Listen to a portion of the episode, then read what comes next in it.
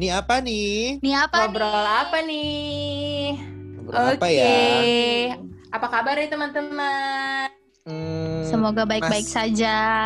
Iya betul. Amin. Oh ya, by the way, lo tahu nggak sih uh, isu yang lagi hot dalam tiga hari kemarin itu apa?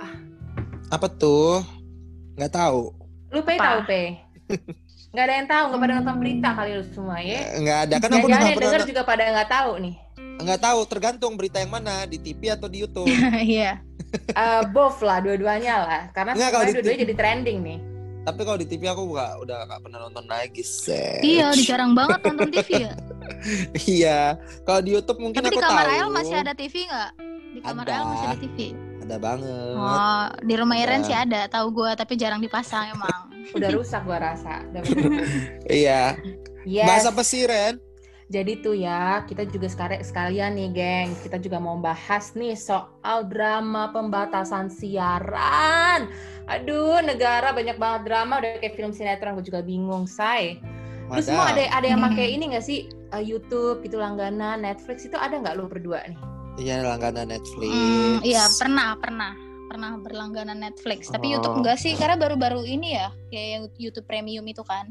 Iya yang Ya, kalau aku kan. aku mah nggak apa-apa pakai iklan lumayan bantu-bantu ini kan konten kreator. Oh iya, karena itu jadi jadi ini ya nilai ekonomi ya. Iya, makanya itu. Bingung Hmm. juga aku YouTube Premium tanpa ini. Aku Anyway. juga aku juga yang biasa aja sih sebenarnya untuk bersedekah ya kan. Padahal sih males aja ngeluarin duit em. Nah yes, jadi tuh kayak gitu beb. Jadi tuh eh, isu-isunya nih ya kan, banyak banget saya yang iri sama Netflix, sama YouTube, gitu-gitu, Twitter, Facebook, wa- WhatsApp gitu. Jadi isu-isunya ya kan, eh, mereka semua ini tuh mau dibatasi. Tuh serem gak sih? Serem. Coba apa aja sih emangnya drama pembatasan siaran ini? Siapa nih yang mau bahas pertama nih? Aduh siapa IP kali? Enggak deh gue. Iren, Iren, Iren, Iren. Nih, jadi ya, kok gue jadi kayak gosip tetangga sebelah ya enggak sih? nah, jadi tuh eh, salah satu concern kenapa kemudian YouTube, eh, Netflix dan teman-temannya itu ya, termasuk juga Telegram yang pada suka nonton Korea kan pada di Telegram tuh ya kan. Nah, itu tuh kenapa mau di ban atau eh, bukan di ban kali ya, tapi kayak mau dibatasi gitu keberadaannya di Indonesia, keberadaan penyiarannya karena eh, salah satu concernnya adalah mengandung nilai-nilai yang eh, asusila. Wadaw. Ya, Emang jadi asusila Gimana konten tuh Ko- nak maksudnya? Korea-Korea gitu kok asusila ya? Gue juga nggak ngerti deh nih asusilanya dari mana ya kan. Eh, iya, Nah, tapi jadi- emang arti asusila itu apa sen- sendiri apa sih, Nak? Kalau asusila kan berarti kan namanya juga udah a susila gitu kan. Berarti kan dia tidak susila gitu ya Oh, kan. tidak Dia ada si susila. Hmm. Ah, ah, benar tidak ada Ah. susis gitu kan. Si susis tuh nggak ada gitu. Nah jadinya eh, sebenarnya tuh gini, ini tuh yang menjadi eh, hal yang menurut gue sih gue ketika gue dengar gitu ya, bahkan wakil presiden kita sendiri tuh ngomong gitu bahwa eh, ya tayangan-tayangan yang ditayangkan oleh Netflix, YouTube dan segala macam itu konten-kontennya tuh berbau nilai berbau eh, nilai-nilai yang asusila gitu kan. Nah, eh, terus gue kemudian search dong gitu kan. Gue eh, cari-cari sebenarnya apa sih arti kata eh, susila atau kesusilaan gitu itu apa sebenarnya. Nah, ternyata kesusilaan itu ya kan, itu tuh jadi kan gini, kalau eh, argumennya mereka kan nilai-nilai yang tidak asusila itu berkaitan sama nilai-nilai agama gitu ya, norma-norma agama yang kita anut gitu. Yang which is tuh membuat gue sangat bingung gitu ya, karena menurut gue pribadi harusnya eh, hal-hal yang agamis gitu ya nilai-nilai agama itu menjadi eh, sesuatu yang private gitu. Nggak perlu untuk kemudian kita bawa-bawa ke ruang publik. Karena dan ini juga didukung gitu ya dengan artis kesusilaan itu sendiri gitu. Jadi kalau menurut epistemologinya kesusilaan itu ya kalau secara singkat gitu ya ini soal penjabarannya Mhm. panjang banget say nah kalau eh, secara singkatnya itu berat kesusilaan itu adalah sifat yang berasal dari dalam bukan dari luar gitu kan Nah, jadi segala sesuatu mulai dari tata krama, mulai dari eh, apa nilai yang kita anut, eh, lalu kemudian kepercayaan segala macam itu tuh eh, itu menjadi yang kes- yang menjadi yang susila itu berasalnya tuh dari dalam gitu. Jadi tidak ada nih pengaruh-pengaruh dari luar gitu kan. Jadi kesusilaan itu tuh sangat dekat sifatnya dengan keakuan. Keakuan itu maksudnya dengan diri sendiri gitu. Jadi misalnya gini ya, eh, ini ya ini yang kemudian jadi pertanyaan gue. Uh, kan Netflix dinilai tidak uh, Netflix itu dinilai asusila gitu ya. Dia dia tidak uh, konten-kontennya kemudian mengandung kayak uh, tanda kutip ya misalnya uh, pornografi atau apa pun itu gitu ya. Padahal kan itu enggak ya orang-orang yang pakai Netflix juga tahu gitu bahwa ada aturan di Netflix soal pornografi juga gitu kan. Dan kalau lu nonton kan juga ada tulisan 18 plus gitu kan video ini atau film ini mengandung uh, alkohol, narkoba, kekerasan dan dan lain-lain gitu. Ada aturan itu ya kan. Nah terus juga ada Netflix Kids dan segala macam gitu. Lalu tapi tetap aja itu dibilangnya tidak asusila. Itu tidak itu dibilangnya sorry itu asusila gitu kan Padahal yang mana nih yang asusila gitu kan? Cuma adegan ciuman dibilangnya asusila gitu kan. Padahal again balik lagi dengan epistemologi ke kesusilaan itu sesuatu yang dari dalam gitu. Jadi ya kita yang membentengi diri kita sendiri loh, bukan kemudian eh, hal-hal uh, yang kita lihat gitu ya orang pegangan tangan tiba-tiba jadinya tindakan asusila gitu kan. Itu lucu nggak sih menurut lo kawan-kawan? Iya lucu banget kayak mm. uh, apa sih namanya? Uh, padahal kan ini setiap orang beda-beda ya. Uh, perspektif orang setiap orang beda-beda. Dan dan belum tentu misalnya itu kan selalu balik ke konteks masing-masing uh, cerita itu di ini nanti aku mungkin bakal bahas juga tuh tentang bagaimana asusila itu implikasinya dengan uh, sensor-sensor tapi nanti aku simpen dulu deh. Yes.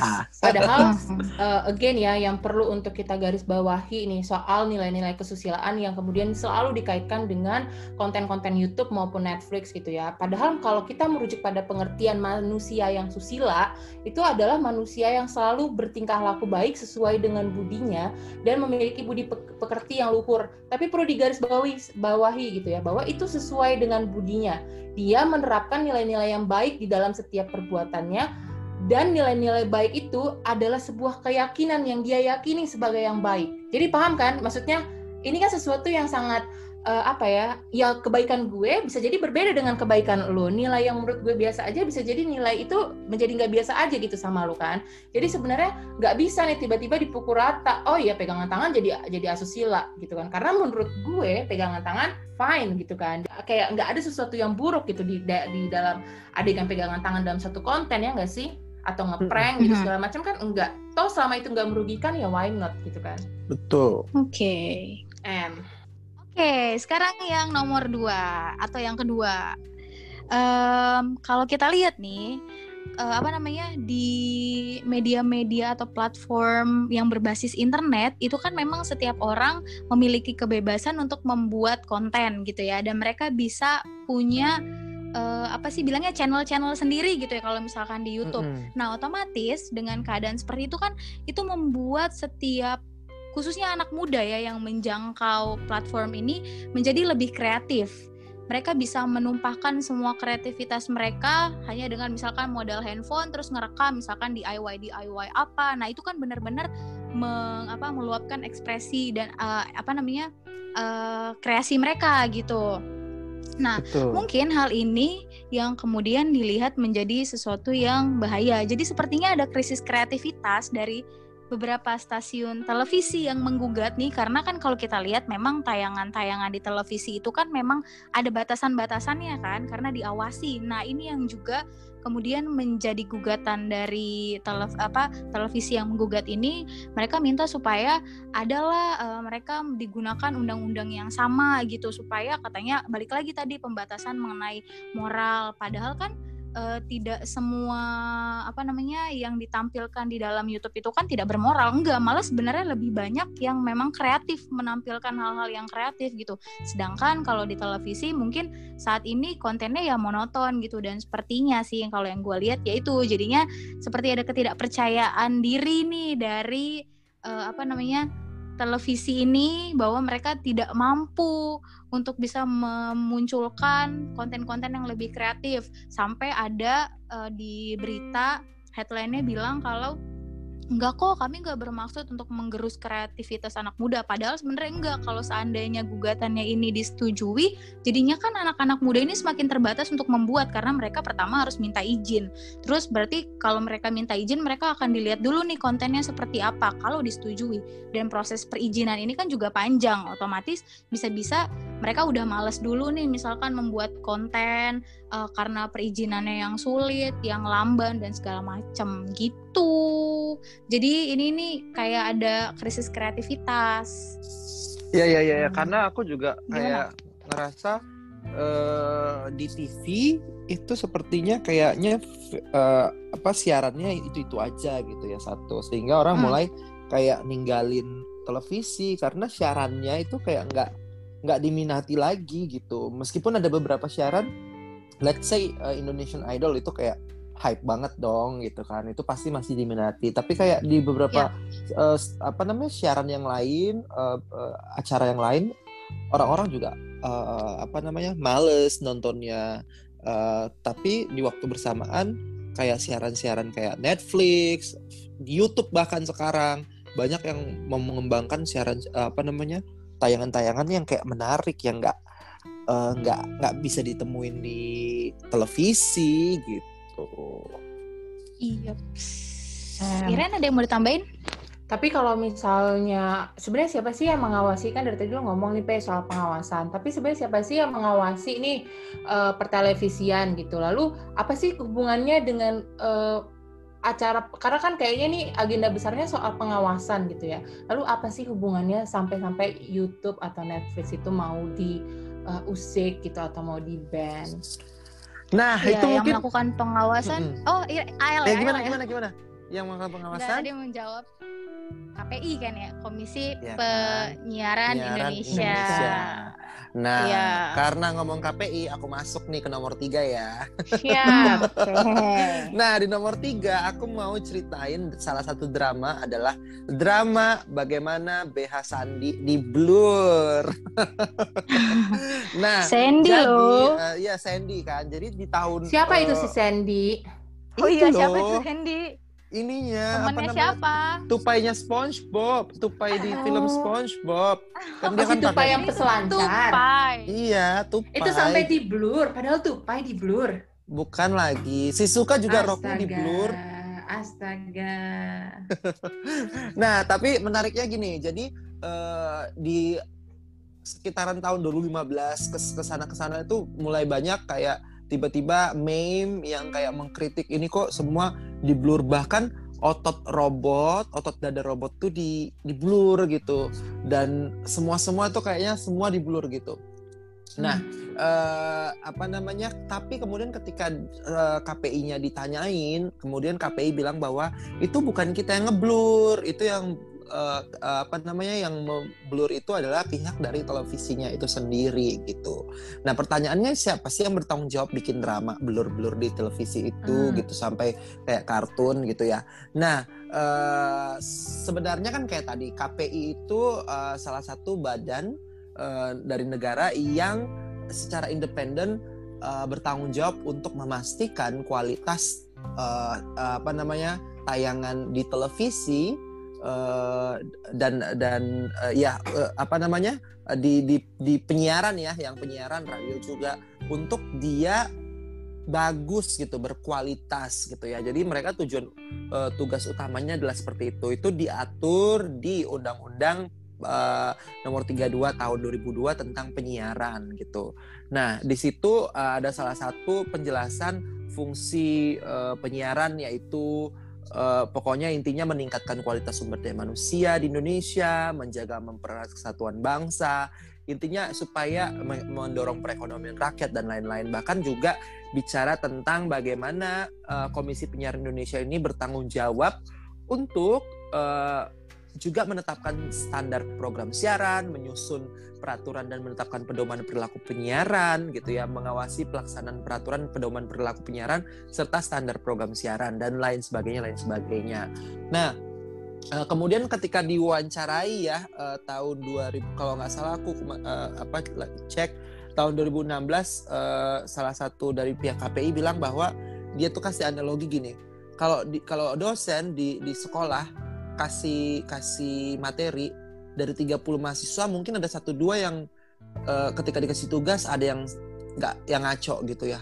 Nah hmm. mungkin televisi itu yang ngaco. Kita nggak nggak memaksa kok untuk uh, apa namanya televisi itu di blur dan lain sebagainya. Tapi ada asumsi juga bilang bahwa wah ini tuh uh, mereka tuh sampai kayak trauma gitu karena sedikit-sedikit KPI itu tuh di blur. Misalnya uh, kalau kita tahu ini mungkin KPI nggak bisa nol nggak nggak bisa ngelak. Kayaknya mereka setuju juga.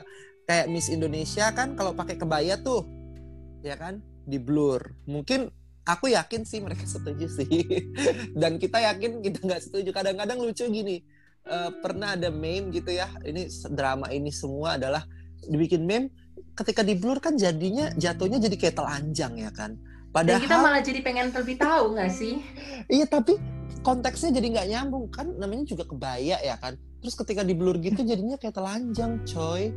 Jatuhnya ya, kayak jatuhnya jadi kayak jadi kayak di di di paham kan paham. paham kan kebayang nggak sih jadi malah menunjukkan nudity itu ya kan iya jadinya jadi nggak nyambung gitu nah inilah uh, apa namanya yang uh, menurut aku uh, jadi satu drama yang menarik. Karena mungkin ini kait mengait ya kan yang dengan bagaimana uh, apa namanya kasus norma-norma kesusilaan itu diaplikasikan dalam standar-standar penyiaran di Indonesia. Yang ditangkap oleh pemilik-pemilik uh, apa namanya uh, stasiun televisi ini sebagai sesuatu yang uh, apa yang harus dilakukan di di di tayangan mereka. Tapi ya jadinya jadi nggak jelas banget gitu. Padahal siapa sih yang nafsu dengan uh, teteknya Sandi gitu ke Sandy ya kan? Malah aneh aneh banget gitu. Itu sih yang aku mau sharing. Salah satu drama pembatasan siaran di Indonesia. Nah tadi okay. kalau ngebahas nih El soal hmm. uh, apa tadi namanya uh, soal blur dan soal uh, pembatasan-pembatasan yang dilakukan sama KPI ya kan. Yang menurut gue juga itu uh, aneh sih kayak kayak lo KPI nggak ada kerjaan lain gitu ya selain kayak ngeblurin dadanya Sandy gitu kan yang sebenarnya dia juga nggak masalah kan? Nah terus lanjut nih untuk ke poin berikutnya yang menurut gue sama uh, sama pentingnya dengan poin-poin sebelumnya yakni soal uh, kalau pembatasan berarti ada kebebasan yang terenggut nggak sih Hmm. Nah, bisa. Kan? Ya. Hmm. Nah, jadi eh, karena ada pembatasan itu, gue kemudian melihat nih eh, sekarang-sekarang ini khususnya gitu ya, kita tuh uh, apa ya kayak kebebasan kita untuk uh, mengakses informasi itu tuh menjadi begitu terbatas. Karena hmm. apa? Karena sekarang segala yes, gue tahu uh, pembatasan itu terjadi karena untuk menghindari hoax gitu ya. Apalagi di tahun-tahun 2000 berapa kasusnya Pak Ahok itu 2000 berapa sih? Uh, eh, 16 itu kan hoax itu kan bener-bener yang terang benderang gitu kan. Semua di grup WhatsApp ibu bapak tuh pasti ada deh tuh hoax-hoax yang gak jelas gitu. Apalagi tingkat literasinya orang Indonesia tuh masih uh, boleh dikatakan masih di bawah rata-rata ya. Jadi orang tuh uh, masih sulit gitu untuk untuk apa ya untuk menyerap informasi yang mana sih yang benar yang enggak gitu kan. Orang cuma baca headline lalu udah selesai gitu. Tapi ternyata malah jadi kebablasan nih soal uh, pembatasan uh, kita untuk mengakses informasi gitu ya. Nah salah satu bentuknya adalah yaitu dengan uh, Netflix yang di ban, YouTube yang di ban gitu kan. Padahal kalau kita tahu nih sejarahnya YouTube sendiri gitu kan. YouTube itu kan uh, didirikan ya kan? Sebenarnya untuk menjadi platform bagi siapa aja orang-orang yang uh, mau berkreasi. Walaupun ada juga sih banyak konten-konten kreator yang uh, I would say gitu ya bahwa mereka tuh uh, ya kontennya nggak bagus-bagus banget gitu. Tapi kan mungkin itu bagian dari karya mereka gitu kan. Dan sebenarnya kan di YouTube juga sudah ada filternya gitu kan. Tapi kemudian uh, kita menjadi begitu takut nih karena apa? Karena di YouTube sekarang lihat deh, semua orang bebas buat berbicara. Mau bicara apa aja di YouTube tuh bisa gitu kan. Lo mau buat konten apa aja termasuk podcast kita nih, ya enggak? Kan podcast kita ini termasuk OTT, ya kan? Over the top. Nah, di sini kan kita bisa bebas bicara apa aja gitu ya. Nah itu yang kemudian menurut gue pemerintah kita tuh uh, khususnya gitu ya menjadi sangat ketakutan nih soal informasi yang kita beberkan dan informasi yang mungkin akan di, di apa diambil oleh masyarakat yang lebih luas.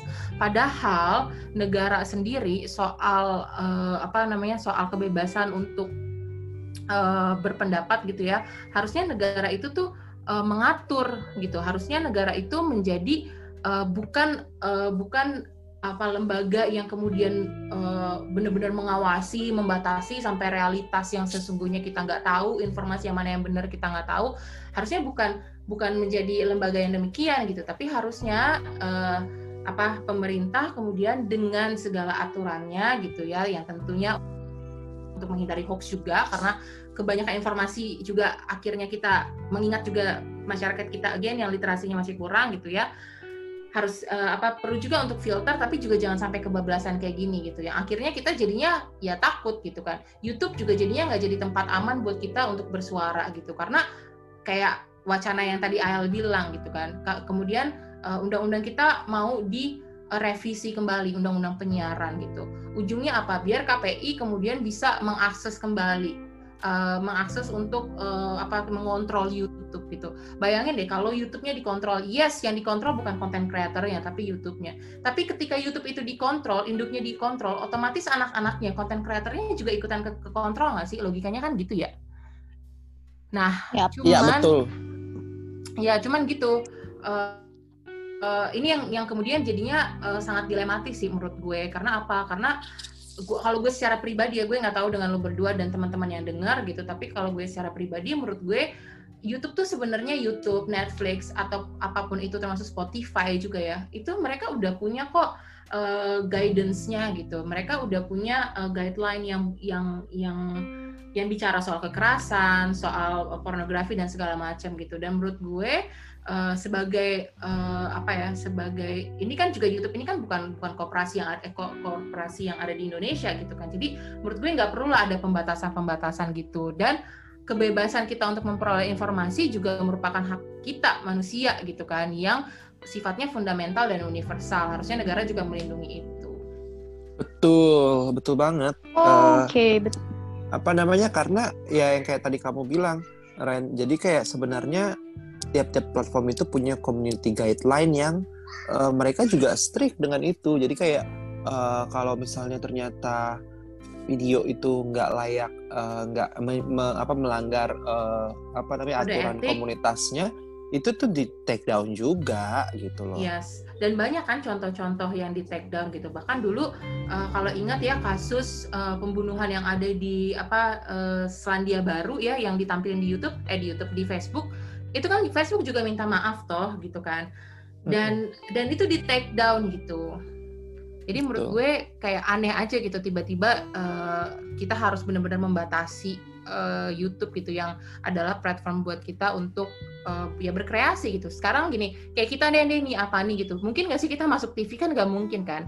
Ya platformnya ya Spotify gitu kan. Kalau Spotify-nya jadi dibatasi, kita gimana mau bicara ya nggak? Betul gitu. Ya kemudian nomor 5 drama siapa nih nomor 5 nih? drama apa lagi nih pemerintah? Ya Allah nggak cukup drama. Nah sekarang nomor 5 nih. Apa tuh? Oke okay, sekarang kalau kita lihat nih sebenarnya ini tuh masalahnya atau motif-motifnya nih kayak persaingan-persaingan bisnis ya kan? Waduh. Waduh, nah, bisa jadi kayak, sih. Waduh. Kayak kayak yang kita tahu nih tadi juga. Bau-bau cuan ya, Pe. Iya, kalau cuan emang udah susah nih. Hmm, kalau yang tadi sempat diskusi kan, jadi salah satu penggugat ini kan kayak yang kita tahu ya, udah kayak rahasia umum gitu, memonopoli ekonomi gitu kan, kayak banyak banget siarannya dia ya kan. Udah gitu uh, apa namanya uh, terjun di berbagai macam bidang juga gitu.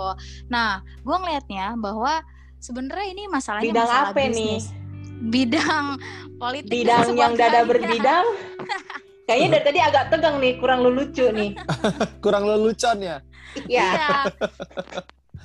Minggu tanpa lelucon tuh kayak. Uh, gitu. Aduh gerah ya. Nah, iya. Terus terus. Jadi uh, motifnya di sini emang persaingan bisnis sih kalau yang dilihat kan. Karena kan seperti yang mereka ajukan gitu ya, mereka tuh nganggap kok kalau uh, apa namanya media-media berbasis internet ini nih nggak fair karena mereka tidak memenuhi kewajiban yang sama sama kayak yang dilakuin sama uh, pertelevisian kayak mereka membayar pajak tetapi media berbasis internet ini tidak kan gitu. Nah, ditambah lagi bahwa sekarang memang banyak orang yang sudah mulai mungkin beralih ke media berbasis internet baik YouTube, Netflix atau uh, lain sebagainya gitu dan tanpa kita sadari ya sebenarnya kayak contohnya YouTube aja tuh atau Instagram itu tuh sudah memberikan distribusi ekonomi kepada para konten creator. Kayak misalnya hmm, kayak kita dong konten creator. Udah bisa ya, kan? Kayaknya udah bisa deh. Tapi belum ada cuannya ya. belum, belum. Ntar, ntar, ntar. Next. Soon. Ya. Nah, iya, jadi itu memberikan distribusi ekonomi kan sebenarnya kepada konten-konten creator, misalkan melalui apa sih yang biasa kita tahu iklan-iklan gitu kan, hmm. atau mungkin endorsement gitu. Nah, hmm.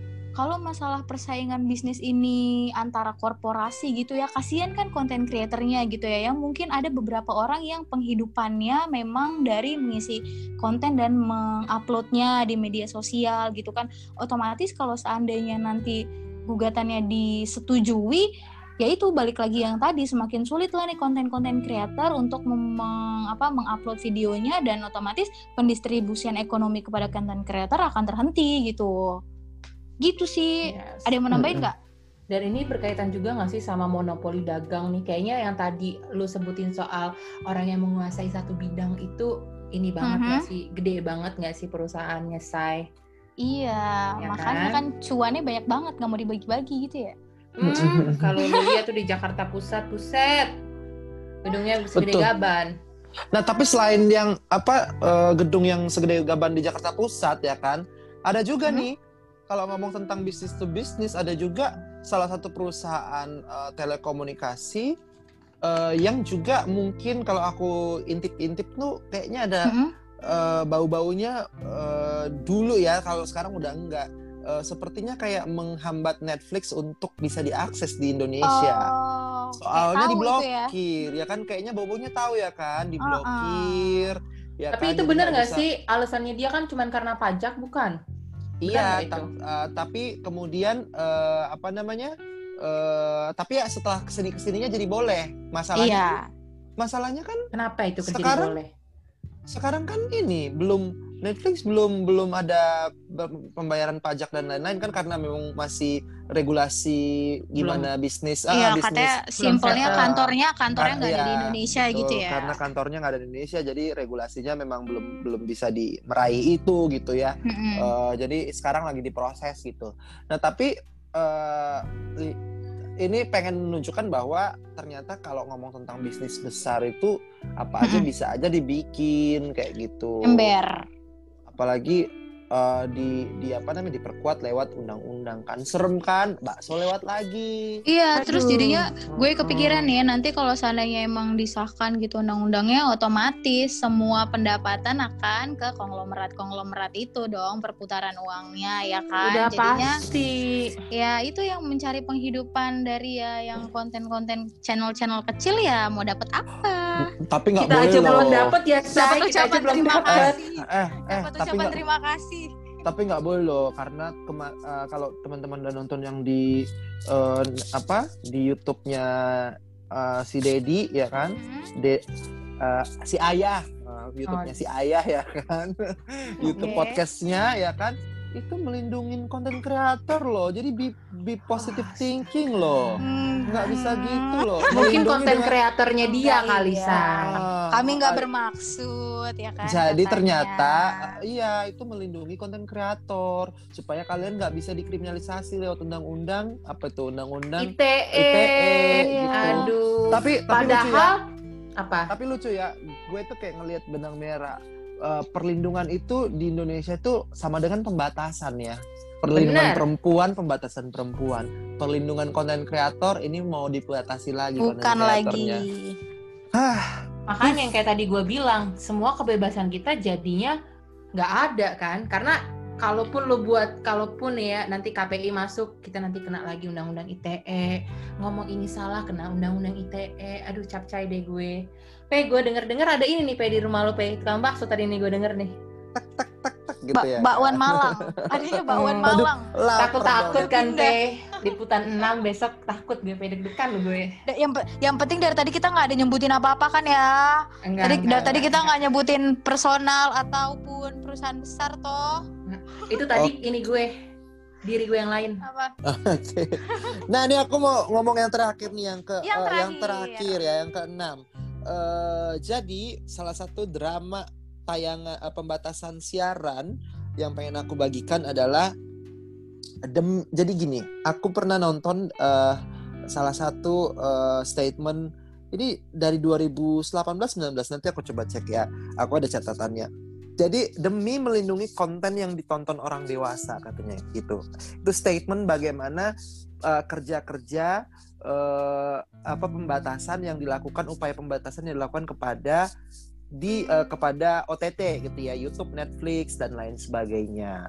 Uh, kenapa? Karena uh, mereka menganggap bahwa jadi gini, uh, ketika dalam dalam uh, apa namanya obrolan uh, salah satu uh, rep, uh, reporter yang yang menanyakan uh, tentang bagaimana ada wacana supaya si uh, apa namanya si si YouTube sama sama Netflix itu mau di uh, diawasi oleh KPI kan. Jadi kan kalau misalnya undang-undang yang tadi digugat sama salah satu stasiun televisi itu uh, jebol gitu ya, sehingga nanti KPI itu uh, dapat jatah uh, tambahan kerjaan. Karena kalau sekarang kan uh, yang di yang di yang diawasi hanya uh, yang konvensional. uh, hmm. karena yang yang uh, over uh, uh, over the top itu internet sekarang kan belum dulunya nggak nggak kebayang kan? Nah itu belum belum belum bisa diregulasi. Nah nah kalau once itu go, go, goal gitu ya KPI jadi bisa mengawasi YouTube dan Netflix. Nah salah satu uh, penjelasan dari Kominfo ya orang Kominfo nih yang ngomong nih dari Kompas Live Sapa Indonesia Malam ya kan? Tahun 2018 atau 2019 nanti coba lihat lagi. Nah ternyata poinnya ini komentar dari dari ini ya dari netizen ya dan itu memang di state sama si orang kominfo ini. Ternyata poinnya uh, YouTube dan Netflix itu nggak cuma melindungi tayangan untuk di, melindungi anak-anak karena statement dari si interview uh, yang me memberi interview ya uh, adalah kalau ngomong membatasi uh, atau melindungi anak dari siaran-siaran yang nggak mendidik, tapi kan YouTube sama Netflix itu punya YouTube Kids sama Netflix for Kids ya kan? Betul. Ya kan, sehingga uh, orang-orang nggak bisa nonton sembarangan. Kalau anak di bawah 18 tahun, dia mereka nggak bisa nonton tayangan-tayangan yang quote and quote uh, yang dewasa gitu ya, yang obrolan-obrolan yang dewasa gitu. Nah. Uh, tapi ternyata kominfo bilang ini iya itu benar itu in, in, in one way bagus. Tapi kita juga mau melindungi konten-konten oh, masyarakat Indonesia orang dewasa dari konten-konten yang berbahaya. Jadi bayangannya orang-orang dewasa di Indonesia ini perlu dilindungi dari konten-konten yang dianggap berbahaya. Aduh. Bayangkan, lu bayangkan Aneh. Ini, ini drama yang paling aku paling tunggu-tunggu untuk gue bagikan di di platform ini ya. Lu bayangin cara berpikirnya nih orang dewasa nih, ya kan? Itu tuh dibatasi, difilter dibantu untuk difilter karena merasa bahwa orang dewasa itu butuh bantuan untuk memfilter apa yang dia tonton. Yang artinya dia dia sedang membodohi masyarakatnya lagi dengan mengatakan bahwa orang dewasa itu tidak bisa memilih apa yang baik buat dirinya dia. Melindungi orang dewasa. Sampai ada ditanya ya, emang orang dewasa di Indonesia belum bisa diberikan tanggung jawab memilih apa yang baik dan tidak sebagai manusia berakal yang punya nilai-nilai pribadi ya? Iya kan? Waduh, perlakukanlah warga negaramu sebagai anak-anak terus, Pak. Kata gitu. Ujung-ujungnya bikin masing-masing orang dewasa nggak punya tanggung jawab. Uh, lempar batu sembunyi tangan, wow. jadi budaya bangsa dan lain-lain dan lain-lain. Which dan aku menurut aku setuju gitu kalau ngomong tentang tayangan yang melindungi orang dewasa, ya bo, masa orang dewasa nggak bisa memilih tayangannya sendiri gitu kan? Em, dan ya itu kan udah sih? jadi haknya hmm. dia ya enggak sih? Kan Betul. dia udah tahu yang mana yang Betul. baik yang benar. Betul. Ya enggak. Da, uh, uh, misalnya dan juga ya, kalau ngomong tentang bagaimana regulasi, let's say YouTube sama Netflix dengan di atau YouTube lah ya dengan di di apa namanya di televisi menurut aku lebih okean di YouTube. Kenapa? Dia punya YouTube Kids, Netflix mm. Kids gitu ya kan. Satu, Netflix Kids bahkan di diatur uh, ininya uh, tayangannya ya kan uh, udah betul-betul spesifik banget tayangannya buat anak-anak gitu ya. Yang kedua mereka punya kalau YouTube karena dia milik bersama mereka punya community guideline. Community guideline dengan jelas bahwa tidak boleh mempromosikan kekerasan, uh, bullying, terus uh, macem-macem tuh dijelasin dan mereka uh, kalau kita tinggal ban uh, tinggal apa namanya tinggal blokir kan tinggal Betul. lapor report ya kan report kemudian dia bisa langsung take down gitu. Nah kalau di TV, kalau di TV eh, aku mau bahas, nih, aku mau julid, aku mau julid dulu. di TV ya Allah, ya ampun. Elang burung elang terbang nganterin kita ke pasar. Yang Suka mana itu yang akhlaknya, ibu bapak? Iya kan. kan, aduh astaga. Mereka cuma punya adalah uh, ada logo-logonya R remaja BO bimbingan yes. orang tua ya kan tapi siapa yang siapa yang tahu mereka nonton-nonton aja. Itu satu. Yang kedua hmm. yang yang tadi IP bilang bahwa oke okay, mungkin memang nggak ada nggak ada belahan dada. Memang nggak ada belahan dada di di di TV gitu ya tapi jalan ceritanya itu lebih bengis daripada kalau kita lihat. Bawang merah bawang putih lo lihat coba. Gilingan sih emang cerita ceritanya ya ampun. Ya kan? Ada ganteng serigala ganteng ganteng ya kan? serigala hmm, udah mulai panas nih udah mulai panas nih. Ya sih yang mana Tadi, itu yang berakhlak? Nih ya, aku tapi, baca. Tapi emang beneran ah, tahu ah, ya kan. Ah, gimana, Banyak gimana? banget anak-anak kecil tuh yang mulai mencontoh yang sinetron-sinetron itu dengan adegan-adegan yang sebenarnya bukan buat mereka. Jadi jadi kayak kebalik gak sih maksudnya mereka Makanya. bilang aduh. Gak usah ada aku... lagu deh lagu. Nih ya kan? nih gue baca nih gue baca eh, apa nih? Gue mau bacain satu uh, ini punchline gue. Ini dari Wah. komentar salah satu salah satu tayangan di YouTube uh, tayangan ayah ya kan? Yang mewawancarai salah satu. Mm -hmm dua orang dari stasiun televisi ya kan ada Nicolo Paganini dia bilang and now can you RCT and other television media yeah. like RCT Kids or other like YouTube Kids do I think that more secure than you all guys show the kids all the mature do. I say about moral. I say about dramas. I say that uh, dan drama ex exemplifies kids. If you want to be cool, make your parents pay for big motorbikes, get into motorcycle gangs, fight violence, but don't forget to pray, and you'll be the coolest person in this world. Exactly, totally ya agree with him. Em, ya kan? em banget.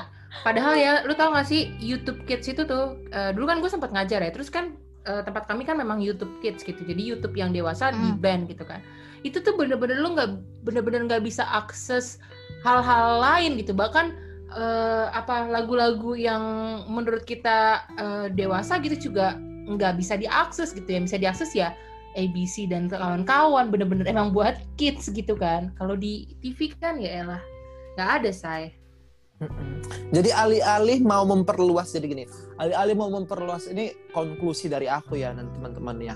Ini karena udah pas 6 ya kan. Hmm. Alih-alih mau me membuat memperluas uh, apa namanya uh, kerjanya si KPI ya kan untuk pembatasan-pembatasan ini nih sama pengawasan yang Mbok kerjaan utamanya dulu ya sebelum diperluas ya diperbaiki dulu lah gitu ya kan kerjasama sama siaran televisi bikin siaran yang berkualitas. Kalau memang mau ada pembatasan ya lihat konteksnya jangan si Sandy-nya di ini. Tapi lihat jalan ceritanya ada moral yang bisa diangkat enggak atau yeah. kita boleh kita boleh jahat-jahat yang penting berdoa terus bagus ya kan? Jalur alur ceritanya itu janganlah yang jahat-jahat banget yang baik-baik banget. Jangan enggak, salahkan enggak, Sandy ya. Enggak gini Gue gue juga nggak habis pikir ya di TV di kita ini ya. Kalau orang jahat tuh jahat banget. Kalau orang baik tuh baik. nggak nggak manusiawi gitu loh. Nggak ada Iya nggak sih? Sangat tidak realistis. hitam dan putih aja. Makanya kalau kita nonton di Netflix ya, ada orang jahatnya, ada nilai baiknya, kemudian dia bisa berubah atau apa. Ada orang baik, tapi kadang-kadang dia caper. Maksudnya itu realistis gitu ya kan? Iya manusiawi, betul. Manusiawi, jadi mm-hmm. kita bisa lihat sosok manusia yang sebenarnya real manusia daripada kita dibikin biner begini dan kita stres sendiri ngelihatnya ada yang bengis-bengis banget ya kan ada baiknya hmm. kebodohan baiknya aduh udah nggak udah gue nggak kuat kalian deh udah, udah. kalau kalau dari gue sih itu tapi memang benar banget itu benar banget kayak be real aja gitu realistis aja kan sama manusia ya, ya kan? kadang lo baik kadang lo jahat bener nggak sih betul Yes, kalau menurut gue, kenapa pembahasan ini kemudian menjadi penting nih buat teman-teman di rumah untuk dengerin atau di mana pun kalian berada ya. Karena kalau menurut gue sendiri, uh, apa ya? Uh, karena kalau misalnya sampai nih amit-amit sih ya sampai-sampai uh, permohonan pengujian undang-undang penyiaran ini dikabulkan ini kan lagi diangkat ya isunya ke DPR ya kan. Menurut gue kita malah jadi nggak bebas lagi nih untuk memanfaatkan fitur siaran kita dalam platform media sosial ya kan. Karena misalnya kayak nih apa nih atau teman-teman mau pada uh, live Instagram atau apa pun itu jadi nggak akan bisa gitu. Karena yang boleh melakukan live Instagram, Facebook, atau ngadain uh, podcast kayak gini hanya mereka yang punya izin. Artinya kebebasan kita untuk berpikir dan kebebasan kita untuk berkreasi pun jadi nggak ada. Ya gimana mau ngambil izinnya gitu kan? Kita siapa sih bisa ngambil izin itu ya kan? Yang pastinya juga akan ribet hmm. banget. Jadi yes, be uh, kayak uh, be aware aja gitu sama regulasi-regulasi uh, yang baru dan uh, apa uh, apa sih uh, calon-calon undang-undang yang baru yang mau ditetapin gitu. Uh, ya yang pasti semoga itu tidak mengganggu kebebasan kita kebebasan intelektual kita kebebasan kita untuk berkreasi dan uh, ber uh, bukan berkreasi ya apa ber untuk menunaikan hasrat kita untuk ber ini apa uh, untuk mengkreasikan sesuatu gitu ya. Itu hmm. kalau dari gue Hmm. Ipe. Iya, kalau dari gue tadi udah sempat disinggung sama Iren sih mengenai kebebasan. Kenapa teman-teman pendengar ya harus aware masalah ini, jangan dianggap ini masalah yang sepele gitu ya. Karena tadi udah disinggung Iren bahwa ini juga akan berpengaruh kepada kita. Karena kan saat ini media sosial benar-benar uh, hal yang sering banget kita gunakan untuk baca berita dan segala macam gitu kan. Otomatis kita harus aware sama masalah ini. Jangan sampai kita jadi terbatas untuk menerima berbagai macam informasi gitu. Dan untuk apa namanya konten-konten creator yang mungkin juga dengar tetap semangat. Kami mendukung. Semoga tidak uh, apa namanya semoga amit-amit ya tadi ya jangan sampai disahin gitu. Supaya setiap konten creator masih tetap bisa berkreasi di apa namanya platform-platform ini. Yang tentunya untuk hal-hal yang baik. Gitu deh. Amin Alright guys, jadi inilah akhir dari ini apa nih episode keberapa kita empat ya say? Empat. Yes. Sampai, sampai jumpa. Ketemu di episode berikutnya. Saya Ael. Saya Iren. Saya Ipei. Bye bye. Bye. bye.